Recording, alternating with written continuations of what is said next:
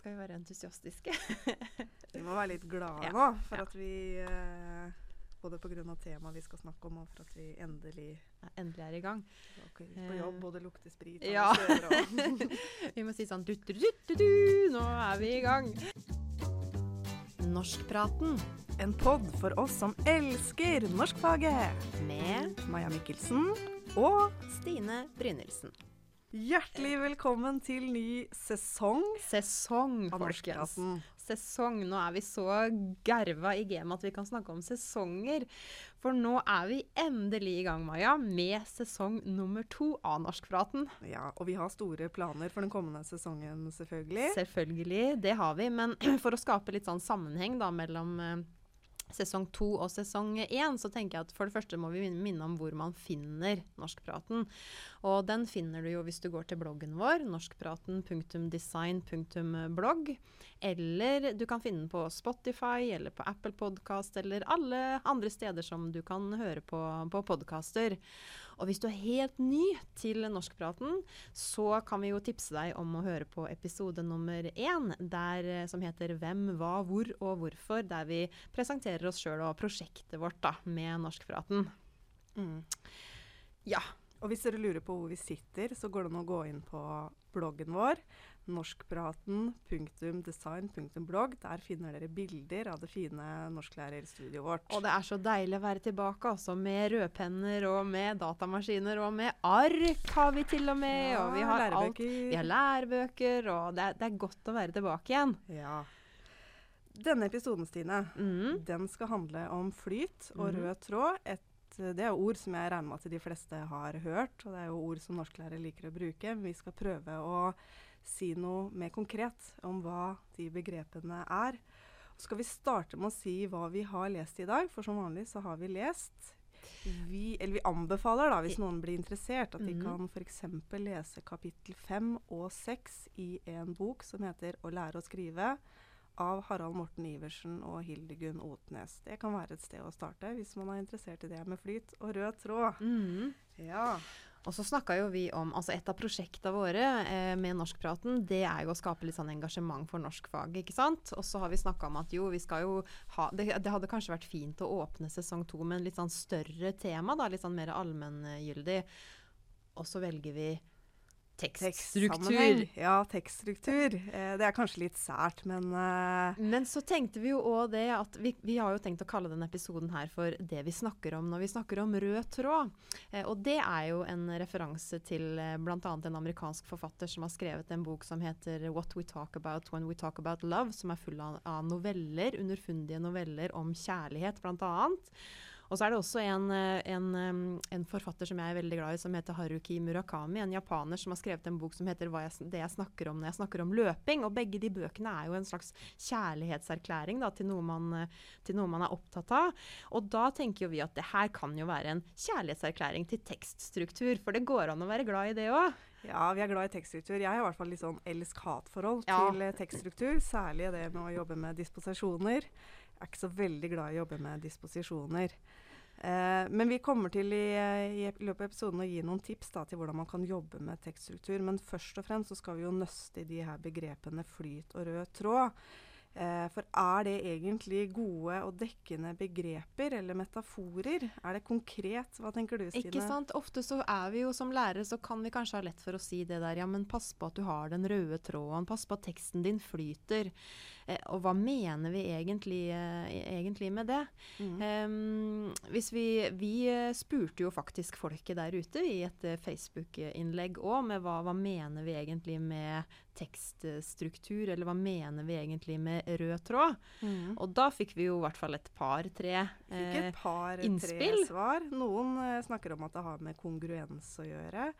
Og tenkte særlig på narrativ struktur mm. i eh, fortellinger. Eh, det var et svar. Og så var det et eh, svar som jeg syns var veldig fint. At eh, flyt kunne ha med flow å gjøre. At du nærmest kan se at, eh, i teksten at noen har vært i skriveflyt. Da, at det er den skriveflyten kanskje som gjør at uh, teksten blir meningsfull Mm. eller sammenhengende. Mm. Og så var det jo noen som påpekte at begrepet rød tråd, eh, det, det stammer fra den, den engelske marinen, eller det var i hvert fall det som, eh, som vi tror, da. Eh, og den engelske marinen brukte tøve, i tøvverket sitt, så eh, vevde de inn én rød tråd som gikk fra den ene enden av tauet og til den andre. Og det var helt umulig å få ut den røde tråden uten å på en måte eh, brette fra, eller ta fra hverandre hele tauet. Så googla jeg det her litt mer etter at eh, vedkommende pekte på det, og fant ut at det er litt sånn usikkert hvor akkurat det begrepet kommer fra. Eh, noen sa også at det er Goethe som faktisk har skrevet om de her, eh, den engelske marinen som bruker de, det tauverket, og overført det til hovedpersonen i en roman. Um, der det, det, og, og bruker det som en parallell til hennes kjærlighetsliv, da. Mm. Men Skal vi si litt om hva, hva flyt og rød tråd kan være sånn veldig kjapt? Vi skal gå gjennom det litt grundigere etter hvert. Men når jeg tenker på flyt og rød tråd, så handler det f.eks. om sånne ting som avsnittsorganisering. Det kan handle om det vi kaller for referenskjeder, altså hvordan vi binder sammen ord eh, med hverandre i teksten. Det kan handle også om variasjon og rytme, kanskje. Eh, og så kan det jo handle litt om hvordan man kobler sammen setninger. Og så er det jo viktig å minne om da, at sammenheng i sakprosatekster og skjønnlitterære tekster kan være litt forskjellig. At vi stiller ulike krav til sammenheng i ulike typer tekster. sånn at i en sakprosatekst da, eller en informasjonstekst så vil det jo være veldig smart at sammenhengen er ganske tydelig og eksplisitt. Mens i skjønnlitterære tekster så overlater vi gjerne mer til leseren, og da er det kanskje meninga at, At ikke sammenhengen skal være så veldig tydelig. Og jeg synes at du har Jeg tenker også det at når vi snakker om tekststruktur og sammenheng, så er det kanskje mange ganger eh, vanskelig både for læreren og for eh, studenten og eleven å peke på, på en måte nøyaktig hva det er man mener. Og kanskje Mm. er det litt lettere å snakke om noe som eh, du som leser oppfatter at umiddelbart ikke har sammenheng. Og du har jo gjort et sånn lite eksperiment eh, med studentene dine. Eller du har skrevet en, eh, en tekst som du bruker i undervisninga. ja. Kan ikke du si litt om eh, formålet og det, den teksten? Ja, jeg har lagd en tekst til studentene mine der jeg har gjort et forsøk på å skrive en tekst som ikke har sammenheng, eh, men som likevel har det. Og det var ganske vanskelig. Eh, jeg kan lese den, så kan vi snakke litt om hva som gjør den teksten sammenhengende og ikke sammenhengende etterpå. Fint. Nå blir Ja. det e e e Majas eventyr. Majas eventyr. Hvis det er et eventyr, det kan vi diskutere. Det var en gang en svært kald vinter, og folk hadde både lite å spise og lite å ta seg til. Jeg går ute i den veldig kalde vinternatten. Kalde, grønne epler smaker jo godt. Lotte liker også frukt. Hun spiller fiolin når hun ikke går på skolen. Skolen, denne store mursteinsbygningen der så mange ungdomssjeler sitter, sitter innesperret som i et fengsel. O, hvilke ulykkelige jyplinger. I den siste tiden har mange politikere derfor kommet fram til at skolen bør avskaffes. Olsen Larsen, 2017. Andre igjen er av den oppfatningen av at pærer smaker bedre enn epler, spesielt når det snør ute, for som sagt innledningsvis så har vi å gjøre med en veldig kald vinter. Og her velger jeg å avslutte denne teksten, som kanskje er en tekst, kanskje ikke. Hva tror du? Vi snakkes. Ja, Ja, hvorfor er det her eh, ikke en tekst, da? Eller en tekst, eller Ja, hva det er det jeg prøver å stille det spørsmålet jeg stiller til studentene mine. da. Nei, Det jeg tenker er at eh, denne teksten henger tilsynelatende sammen på mikronivå, ikke sant. Det er mye gjentagelse av eh, ord, f.eks. Ord som Mhm. har med vinter å gjøre. Mm. Kulde, eh, f.eks. Og ordet frukt gjentas i ulike varianter.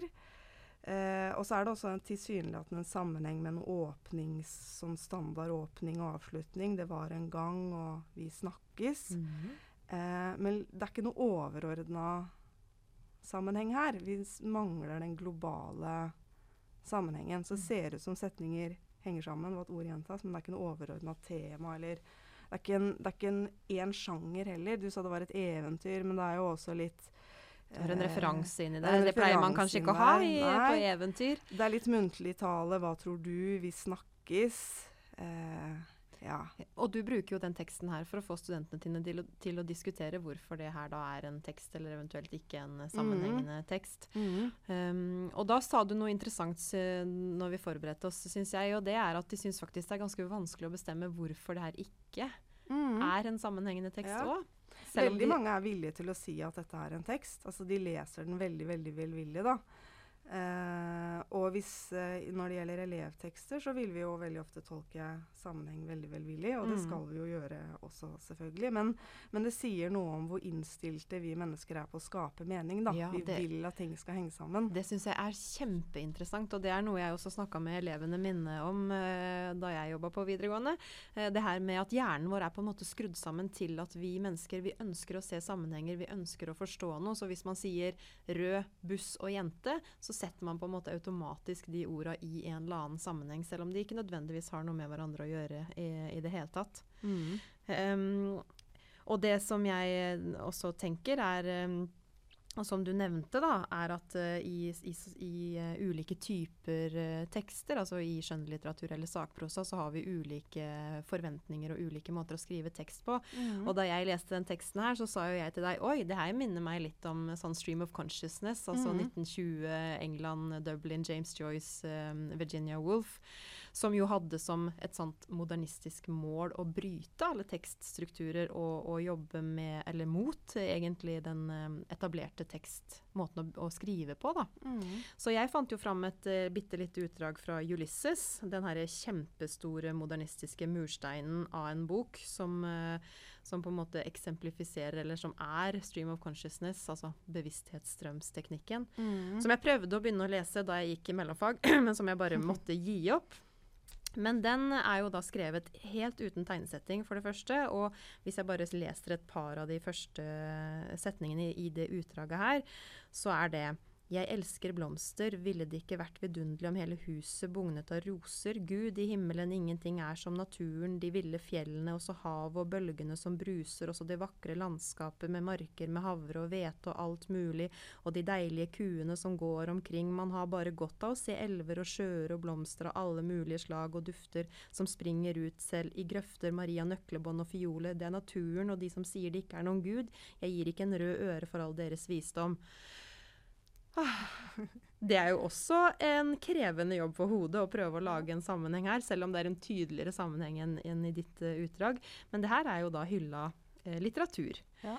Så det er kanskje også noe å tenke på når man skal snakke med elevene sine om sammenheng og tekststruktur, at det fins eh, ulike tradisjoner og ulike retninger i forhold til hva slags type tekst man skal skrive, da. Ja. Men hvis vi nøster oss nå litt tilbake til den Nå nøster Nå nøster vi tilbake til den røde tråden. Ja. Em, det er jo veldig mye man kan si om eh, tekststruktur og sammenheng. Ja. Hvor skal vi starte? Skal vi starte med avsnitt? Ja. For det tenker jeg de fleste har et forhold til. Et eh, godt eller dårlig forhold til, kanskje. Men vi kan starte med å si litt om hva et avsnitt er, da. Og vi kan jo tenke oss avsnittet som en liten minitekst. En tekst i teksten, som Mhm. gjerne har et helt eget tema, eller et underordna tema, da. Som er underordna det overordna temaet i teksten. Og avsnittet har da en innledning og en midtdel og en avslutning. Vi snakker jo gjerne om eh, om en temasetning som innleder avsnittet, og noen kommentarsetninger, og så en sånn avsluttende setning. Og den setningen, den siste setningen bygger jo gjerne da bro, ikke alltid, men Nei. vi kan gjøre det, over i neste avsnitt. Mm. Altså Når vi snakker om tekststruktur, så blir vi fort veldig sånn teknisk og sånn. Det er derfor jeg også ikke alltid er like glad i tekststruktur. Nei, det, Eh, det tenker jeg. Vi blir ja. veldig fort opptatt av på en måte oppskrifter Ja. eh, og rammer. Um, og de avsnitta de er jo da en del av en st enda større global selvfølgelig struktur, og um, eh, som knytter alle avsnitta sammen. ja. Eh, du snakka jo litt om at du egentlig ikke er så glad i å skrive disposisjoner. Eller nevnte du det? Nevnte, Ja, du nevnte det i hvert fall for meg. nevnte det i starten. Nei, jeg er ikke så veldig glad i å skrive disposisjoner. Det har aldri vært. Og det, det tror jeg egentlig er fordi jeg er litt ustrukturert eh, generelt. Eh, så jeg har det litt på samme måte som når jeg rydder. Eh, da drar jeg bare ut alt sammen fra skap og skuffer. Og så når jeg skriver, så drar jeg ut alle ideer, og så blir det en kjempehaug. Og så ser det egentlig ikke ut som jeg verken rydder eller skriver, og så må jeg gjøre kjemperyddig jobb etterpå. Mm. Så ja, men jeg bruker noen andre strategier, da. Ikke Det kan sant? vi kanskje komme tilbake til etterpå. For jeg er ganske glad i disposisjoner. Dvs. Si mer Ja. sånn stikkordsform, da, men det å skrive en sånn disposisjon der du i hvert fall får inn hva, hvilke avsnitt og hvordan Ja. skal du få, få sagt det du eh, vil si, Ja, er jo en strategi. Du er så detaljert strategi. at du går helt ned på avsnittsnivå da? Ja, eller i hvert fall idénivå.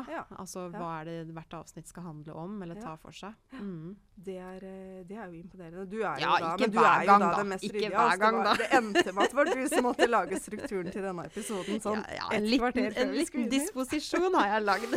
ja. uh, men uh, er det noe mer å si om avsnitt, tro? Ja, det er eksempel Altså ofte så vil jo elever som skriver, de vil jo, og vi òg for så vidt, ha sånne setninger som henger i løse lufta, som ikke eh, hører hjemme noe sted. Og det kan jo være et tegn på at det er begynnelsen på et helt nytt avsnitt. Mm. Eller at det er en setning som ikke hører hjemme i teksten i det hele tatt. Eller at den skal puttes et helt annet sted inn i et avsnitt over eller, eh, over eller under, da. Mm.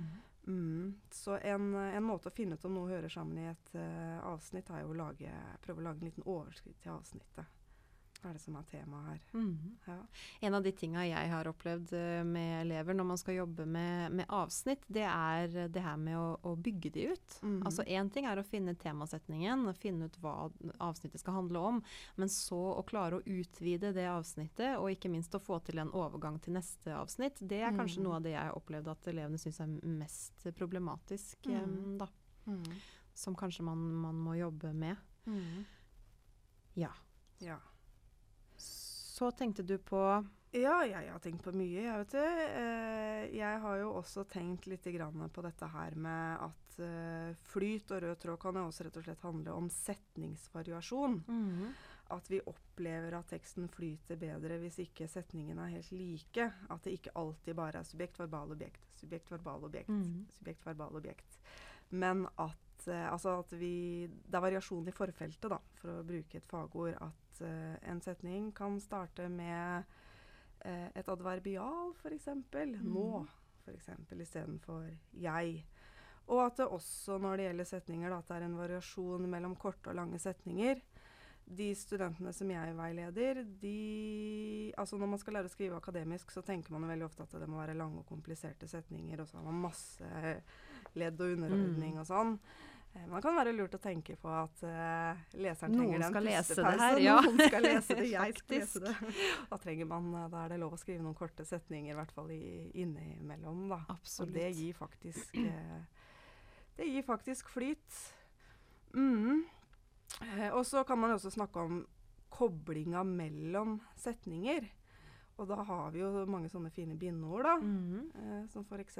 og, eller, fordi, derfor. Eh, og her er det jo også forskjell på ulike tekster. Hvis vi skal skrive fortellinger, narrative fortellinger, så vil det jo være mye sånne koblingsord og tidsmarkører som viser at tida går. F.eks. så kan vi skrive 'først' eller 'og så' eller 'i 16-tida', seinere, Mm. dagen etter. Ja. Mens i sakprosatekster er man kanskje mer opptatt av årsaker og sammenhenger, mm. kan man være. På den Mhm. ene siden, på den andre Ja. siden. Eh, derfor eh, videre. Mm. Um, ja. Ja, så det kan det handle om. Og da er det jo eh, Da kan det jo for de, for de yngste elevene være lurt, da, sånn som du sa i stad, Stine, og også for de eldste, å lage sånne lister over ord de kan eh, bruke. Mhm. For det er det ikke sikkert man tenker på når man sitter der og skriver, at man kan bruke de orda. For ofte har man jo en idé oppi sitt eget hode om hvordan setningene henger sammen. Men at man ved å bruke disse små orda kan gjøre det tydelig for leseren er dette en årsakssammenheng, årsak-virkning, eller er det egentlig en forklaring? Eller er det egentlig to setninger som står i kontrast til hverandre, at det er en argumentasjon? Mm. Ja. Ja, og det trenger man ikke bare gjøre med yngre elever. Jeg, jeg har også gjort det med mine VG VG-elever, og, og også med elever med norsk som, eh, som andrespråk, som ikke nødvendigvis har de her eh, orda i det hele tatt. Eh, lagd lister og, og, mm, med ulike sammenbindingsord som man kan bruke på ulike måter, og med eksempler. Eh, sånn Mhm. at man har en liten sånn smørbrødsliste man kan, eh, kan plukke ifra. Mhm. Og så har vi også noe som heter referentkjeder. Mm, hva er det? Og det er morsomt, for det tenker jeg det er referentkjeder. Det er det som er den røde tråden. Altså Hvis vi Mhm. finner referentkjedene, så finner vi faktisk de røde trådene. Og referenter er kjeder av ord gjennom teksten.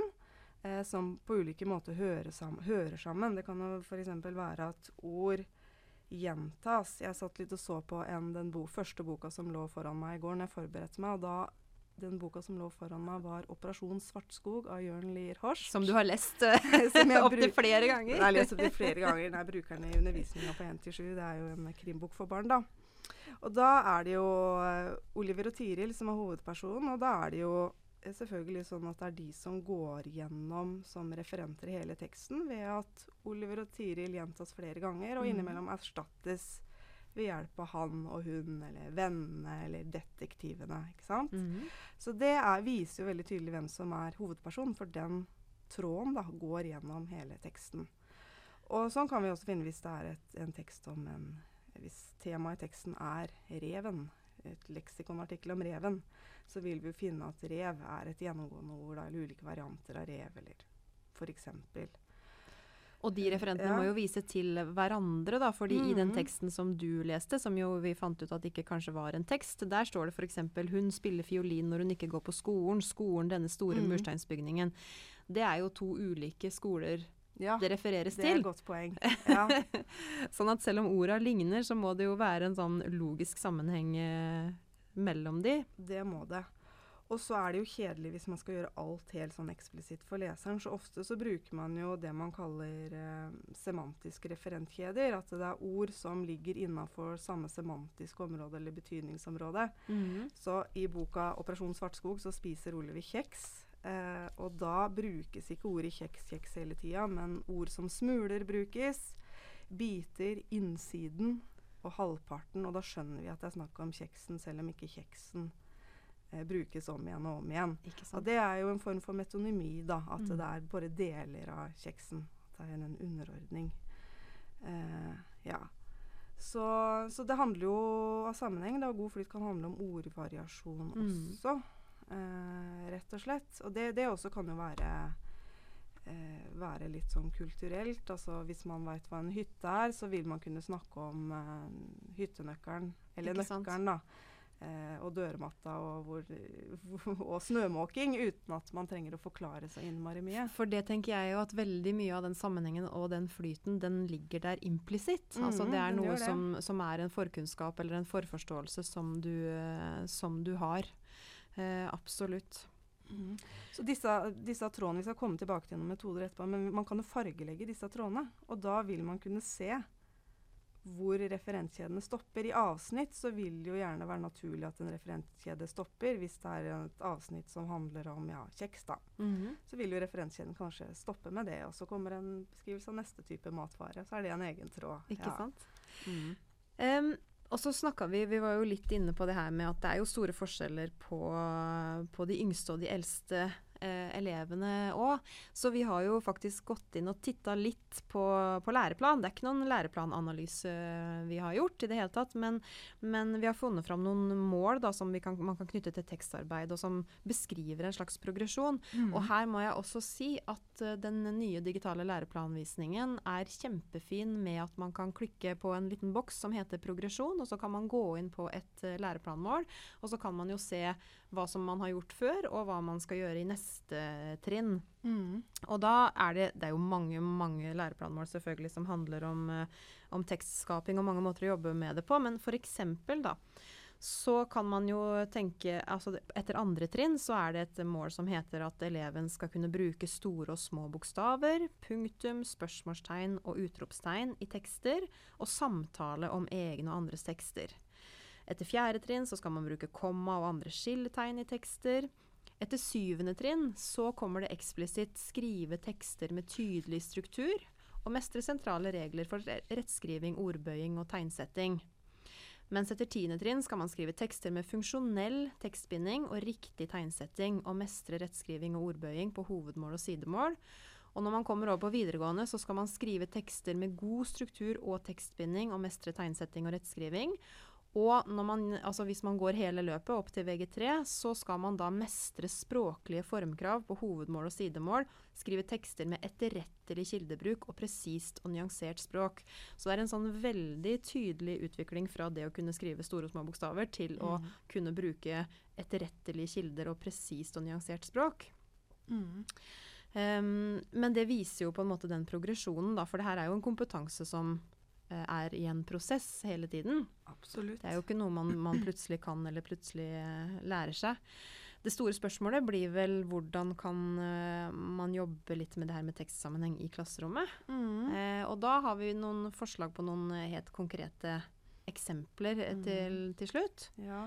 Vil du starte litt med å Ja, jeg tenker for de, for de yngste elevene, da, så er det jo Det er ikke rart at vi jobber da veldig ofte med tekster med en veldig tydelig struktur. Eventyr f.eks. og med sånne standardformuleringer. For mm. det er en typisk tekststruktur som det er ganske enkelt da, å kopiere.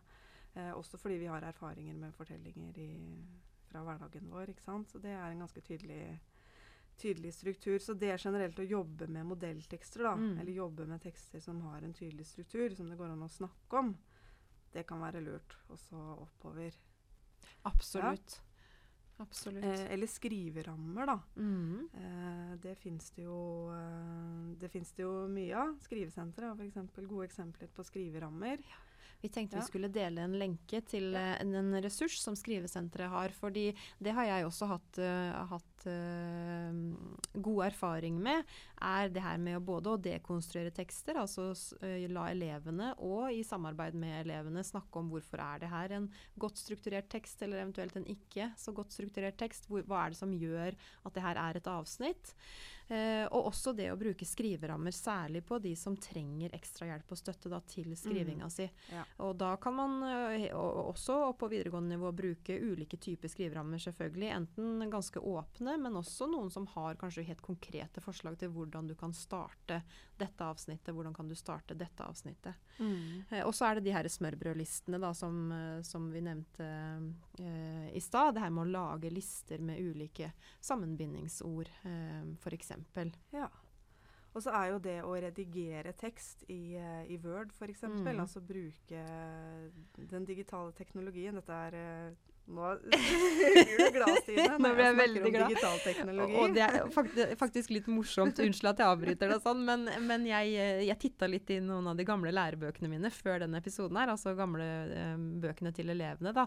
Og noe, en del av de er jo fra rundt 2006, og der står Ja. det sånn Hvis du har tilgang til et godt tekstbehandlingsprogram, så er det lettere å redigere.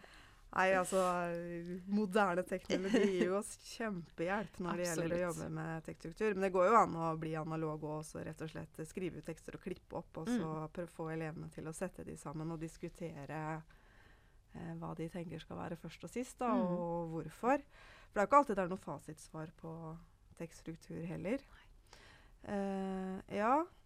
Legge til rette for å diskutere og snakke om Ja. tekst. Mm. Um, jeg har også gjort det sånn en gang at jeg har um, Vi skulle jobbe med å skrive en et sånn fem avsnittstekst. Det var i engelsk riktignok, men det, det funker på samme måte. Og for å få fram poenget mitt litt i forhold til hvordan man skaper sammenheng i tekst, så jeg, satte jeg elevene i grupper på fem. Og så sa jeg du skriver innledningen, du skriver det avsnittet som skal handle om det, du skriver det avsnittet som skal handle om det. Da var det to argumenter for og ett argument mot, eller noe sånt. Og så skriver du avslutningen. Mm. Og så satt de da og prøvde sitt beste å skrive. De fikk ikke lov å snakke med hverandre, men de fikk vite hva som var eh, problemstillingen. Det var sånn type eh, for eller mot karakterer i gymtimen eller et eller annet sånt noe. Og så skulle de da sette seg sammen i gruppa etterpå og prøve å sy det her sammen til en tekst. Og det var en av de morsomste timene jeg har hatt, tror jeg. Fordi det var så mange gode samtaler om mm. tekst. De, de, de jobba alt de kunne for å prøve å få det her til å henge sammen. For i prinsippet så hadde de fem avsnitt. De hadde en innledning, en avslutning, to for og én mot. Men det gikk jo ikke an å bare lime det sammen uten videre. Fordi de måtte da finne ut av eh, hvilke ord og begreper har du brukt, eh, hvordan skal vi få det her til å henge sammen. Mm. Um, så det er også en måte man kan jobbe med tekstbinding, da. Men det å få, få elevene til å snakke om tekst. Ja. Eh, og da kommer jo også det, det, dette her med referentkjeder inn. da. mm. Det at det går an å få elever til å fargemarkere tekst. Og Mhm. jeg uh, uh, har satt mine studenter til å finne sammenheng i bl.a. en leksikonartikkel om rev. Den kan dere finne. Og da fant de faktisk ut at det var ikke så god sammenheng i den leksikonartikkelen om rev. Jeg tror det var Store norske leksikon. Og da, Det gir jo også en litt sånn aha-opplevelse av at også de der profesjonelle tekstene kan ha noen utfordringer når det kommer til tekststruktur. da. Mm. Uh, ja. Ja. Lage overskrifter, uh, leke seg med overskriftlaging og sånne indekser og sånn i Word. Det er jeg veldig glad i. Jeg elsker å lage indekser. Heller Mm. det enn en disposisjon, da. Uh, ja. Og så tips og ofte er jo å skrive innledninga til slutt når du veit hva du har gjort. Mm. At det å skrive innledning og jobbe med den, og bruke sånne ord som 'først gjør det, så skal jeg gjøre det, så skal jeg gjøre det', det gir deg i hvert fall et bilde av hvordan teksten din ser ut videre. Mm. Og så kan du heller fjerne de der kjedelige eh, leserorienteringene etterpå og skrive det om litt finere. Ja. Og så tenker jeg også det å modellere altså sammen med eleven. Det å skrive sammen med, med eleven og modellere hvordan man skriver en tekst, eh, kan også være et nyttig, en nyttig måte å jobbe på. Ofte så er jo tekstskriving i hvert fall sett på som veldig en sånn ensom aktivitet, altså mm. noe du skal gjøre sjøl. Men, eh, men det å samskrive tekst, og her kan du også igjen bruke enten du skriver på tavla, bruker samtavla, Padlet eller samskriver i Word eller hva det måtte være, men at man har det oppe for eh, klassen eller gruppa, og så da snakker om eh, hva er det jeg tenker når jeg skriver, jeg som er en eh, kyndig tekstskriver, og hvordan tenker dere at vi kan bygge teksten?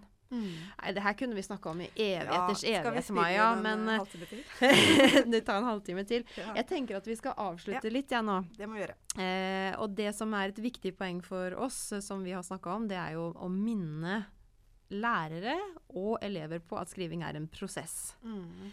Og at struktur er noe du må jobbe med hele tiden, og også underveis. Mm.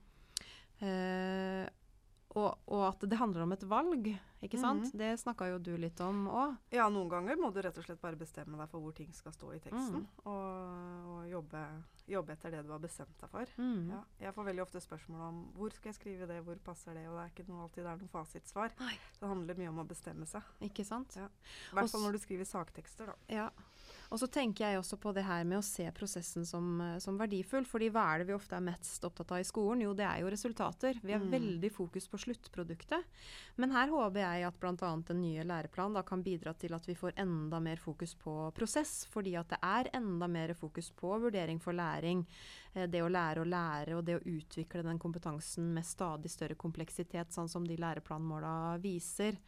Em, så særlig kanskje Det er mulig at grunnskolelærere, altså 1-7, har vært flinkere til å jobbe på den måten, med prosess. Eh, men i eh, skoleslag som har karakter, så har vi nok tradisjonelt sett vært veldig opptatt av det sluttproduktet. Mm. Og, og, men at vi må kanskje begynne å tenke mer på prosessen i seg sjøl. For hvis man f.eks. ser på læreplanen i norsk for VG1 og vurderingsteksten der, så står det faktisk at læreren skal gi veiledning om videre læring og tilpasse opplæringa, slik at eleven kan bruke veiledninga for å reflektere over egen læring og som grunnlag for å bearbeide egne muntlige og skriftlige tekster.